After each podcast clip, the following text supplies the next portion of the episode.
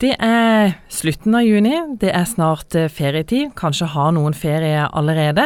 Og det er det vi skal snakke litt om eh, i eh, Finansposten i dag. Dvs. Si dette med, dette med ferieøkonomien vår. Og Sveinung Hedding Valvik fra DNB, du er på plass i studio. Vi skal snakke litt om ferieøkonomien. Og det er vel kanskje sånn at det kan være lurt å legge en plan for pengene sine, og kanskje litt løsere i ferien? De aller fleste av oss, eh, undertegnede inkludert, så sitter jo litt løsere. Han uh, unner seg litt ekstra hele ferien. Så da kan det være lurt, som du sier, å ha en liten plan, ha et budsjett. Men også det å være litt bevisst på hvordan man bruker uh, kortet sitt i ferien. Ja, Vi skal snakke litt om dette med bruk av kort. For du sier at skal man på ferie, så er det lurt å ha med seg to kort. Ja, definitivt. Uh, det kan jo skje noe med kortet. Du kan miste det. Du kan gå i stykker. Du kan bli frastjålet kortet. Så det å ha med to kort uh, Jeg gjør alltid det sjøl. Jeg har ett i, sammen med kortet av lommeboka, og så har jeg alltid et kort som jeg enten har liggende i bagen, har uh, i en annen lomme osv. Så videre, sånn at skulle en bli utsatt for et lommetyveri, så har du alltid et kort. Men tenker du da kort som er knytta til eh, kontoen vår? For veldig mange bruker vel også kanskje mastercard når de er på ferie? Ja. Jeg anbefaler egentlig i utlandet at du alltid benytter kredittkortet. Vel å merke noe god økonomi, så du kan få betalt det tilbake. Men det jo, skulle det bli noe uheldige transaksjoner der, så er det ikke dine penger som er vekk, det er kredittkortselskapets penger som er vekk. Og du har en del beskyttelse også gjennom kredittkjøpsloven. Og så er det dette når man er i utlandet, da. Så er det jo dette her med dette med valuta. Skal man eh, betale i lokalvaluta?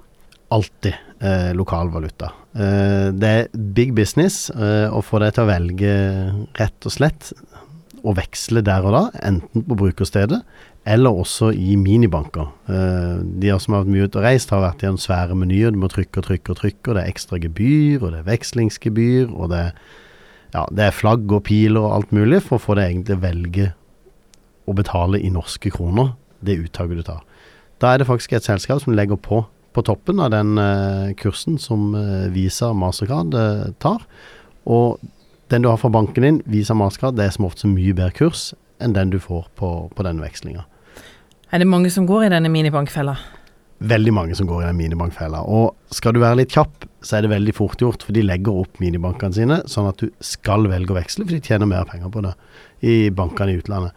Eh, og et tips også, bruk en av de kjente bankene når du er i utlandet på minibank. Disse små vekslingsbyråene og ukjente pengetransaksjonsselskapene eh, har ofte litt ekstra snacks for å tjene litt eh, kroner på vekslinga. Så man bør rett og slett ikke gå til den eh, første og beste man eh, ser? Nei, vær litt bevisst og se hva de faktisk har i gebyr og, og kurs. Men du, vi snakka litt uh, før vi starta her om at uh, en ny undersøkelse viser at det var 300 000 nordmenn som faktisk lånte penger til ferien i fjor. Det er høye tall? Ja, uh, jeg hørte på radio nå, Sparebank1 er ute med en undersøkelse nå. 300 000 lånte til ferien i fjor. det verste med den undersøkelsen det var det at 180 000 har fortsatt ikke betalt tilbake den ferien. Så et godt råd er jo ikke ta, ta, ferie på penger man ikke har, eller ikke ha en plan for hvordan man skal betale tilbake fort. Det er masse gøy å gjøre i nærområdet. Eh, stikk inn på her i Kristiansand eller på Sørlandet, destinasjon Sørlandet. Ekstremt mye gøy rimelig å gjøre. For vi prater litt om eh, ferie, dette med økonomi, dette med bruk av kort, eh, dette med minibank, og vi skal også snakke om en annen viktig ting som har med ferie å gjøre, nemlig dette med reiseforsikring. For det er sånn, Sveinung Hedding Valevik fra DNB, at eh, det er mange som drar på ferie uten reiseforsikring. Det trodde jeg nesten ikke. Det er jo dessverre sånn. Vi ser jo det hver sommer. Eh, så er det avisoppslag eh, vi ser på VG-nett. Eh, en eller annen som står da i et land og noe har skjedd, kanskje alvorlige ting, uten reiseforsikring, uten hjemtransport, uten den medisinske hjelpa som en trenger, med kjemperegning etterpå.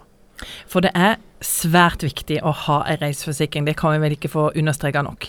Nei, det er helt klart at det er kanskje noe av det viktigste når du reiser ut av Norge eh, i forhold til ansvar. Du har også helsetrygdkortet som du får på, kan bestille, eh, som sikrer deg medisinsk hjelp i EU og EØS.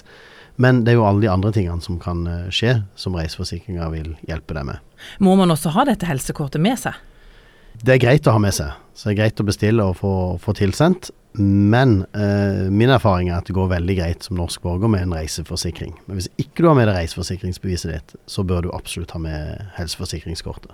Men hva tenker du er grunnen til at mange ikke tegner reiseforsikring? Er det en for dyr kostnad, tenker du? Ja, det er kanskje noen som tenker det. Jeg vet ikke. Jeg tror det er litt uvitenhet at vi gleder oss til ferie, og så glemmer vi det rett og slett. Fordi altså, en, en best reiseforsikring eh, koster rundt 2000 kroner for en hel familie. Dekker det hele året. Eh, bare du tar en tur til byen, eller du skal et eller annet sted, eh, så dekker den det. Eh, så jeg, jeg, tror det er litt forglemmelse at vi av og til er litt ubevisste. Det kan få konsekvenser hvis man ikke har det. Definitivt. Og det, det, verste er jo sykdom, akutt sykdom, død. USA spesielt, hvis man er der. kjempehøye helsekostnader for et par døgn på sykehus. kan titusenene, hundretusenene faktisk rulle. Vi skal snakke om en annen ting også som har litt med håper jeg, ferie å gjøre. For når vi drar på ferie, så er det ofte mange av oss som eh, drar til et sted, og så har man eh, leiebil, for man vil se litt av stedet man, eh, man besøker. Og der er det mange som tegner dyre forsikringer, og nå tenker jeg du skal fortelle hva man ikke trenger. Eh, det må vi litt se i forhold til, til, hvordan man tar vare på tingene, og, litt hvor man er. Men veldig ofte eh, så blir du tilbudt ekstraforsikringer for alt mulig. Og så til slutt eh, en forsikring for å slippe å betale egenandelen hvis noe skulle skje. Når vi da snakker om reiseforsikring i stad, så er det sånn at de aller beste reiseforsikringene de har også en sånn egenandelselimineringsforsikring. Det vil da si at hvis du må betale egenandel på leiebilen din, så kan du få dekka det gjennom reiseforsikringa. Så før du da bruker kanskje 1000-2000 kroner på å sikre deg akkurat det i utlandet, ta og sjekk opp om du faktisk har det dekka i eh, reiseforsikringa. Jeg vet den ligger i stort sett i alle de store selskapenes uh, utvida dekning, altså best produkt.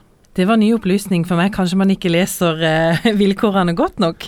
Nei, Det tror jeg faktisk uh, vi ikke gjør. Uh, I Norge så har vi veldig mye gode forsikringer når du går utover basisdekningene og velger de, de beste forsikringene.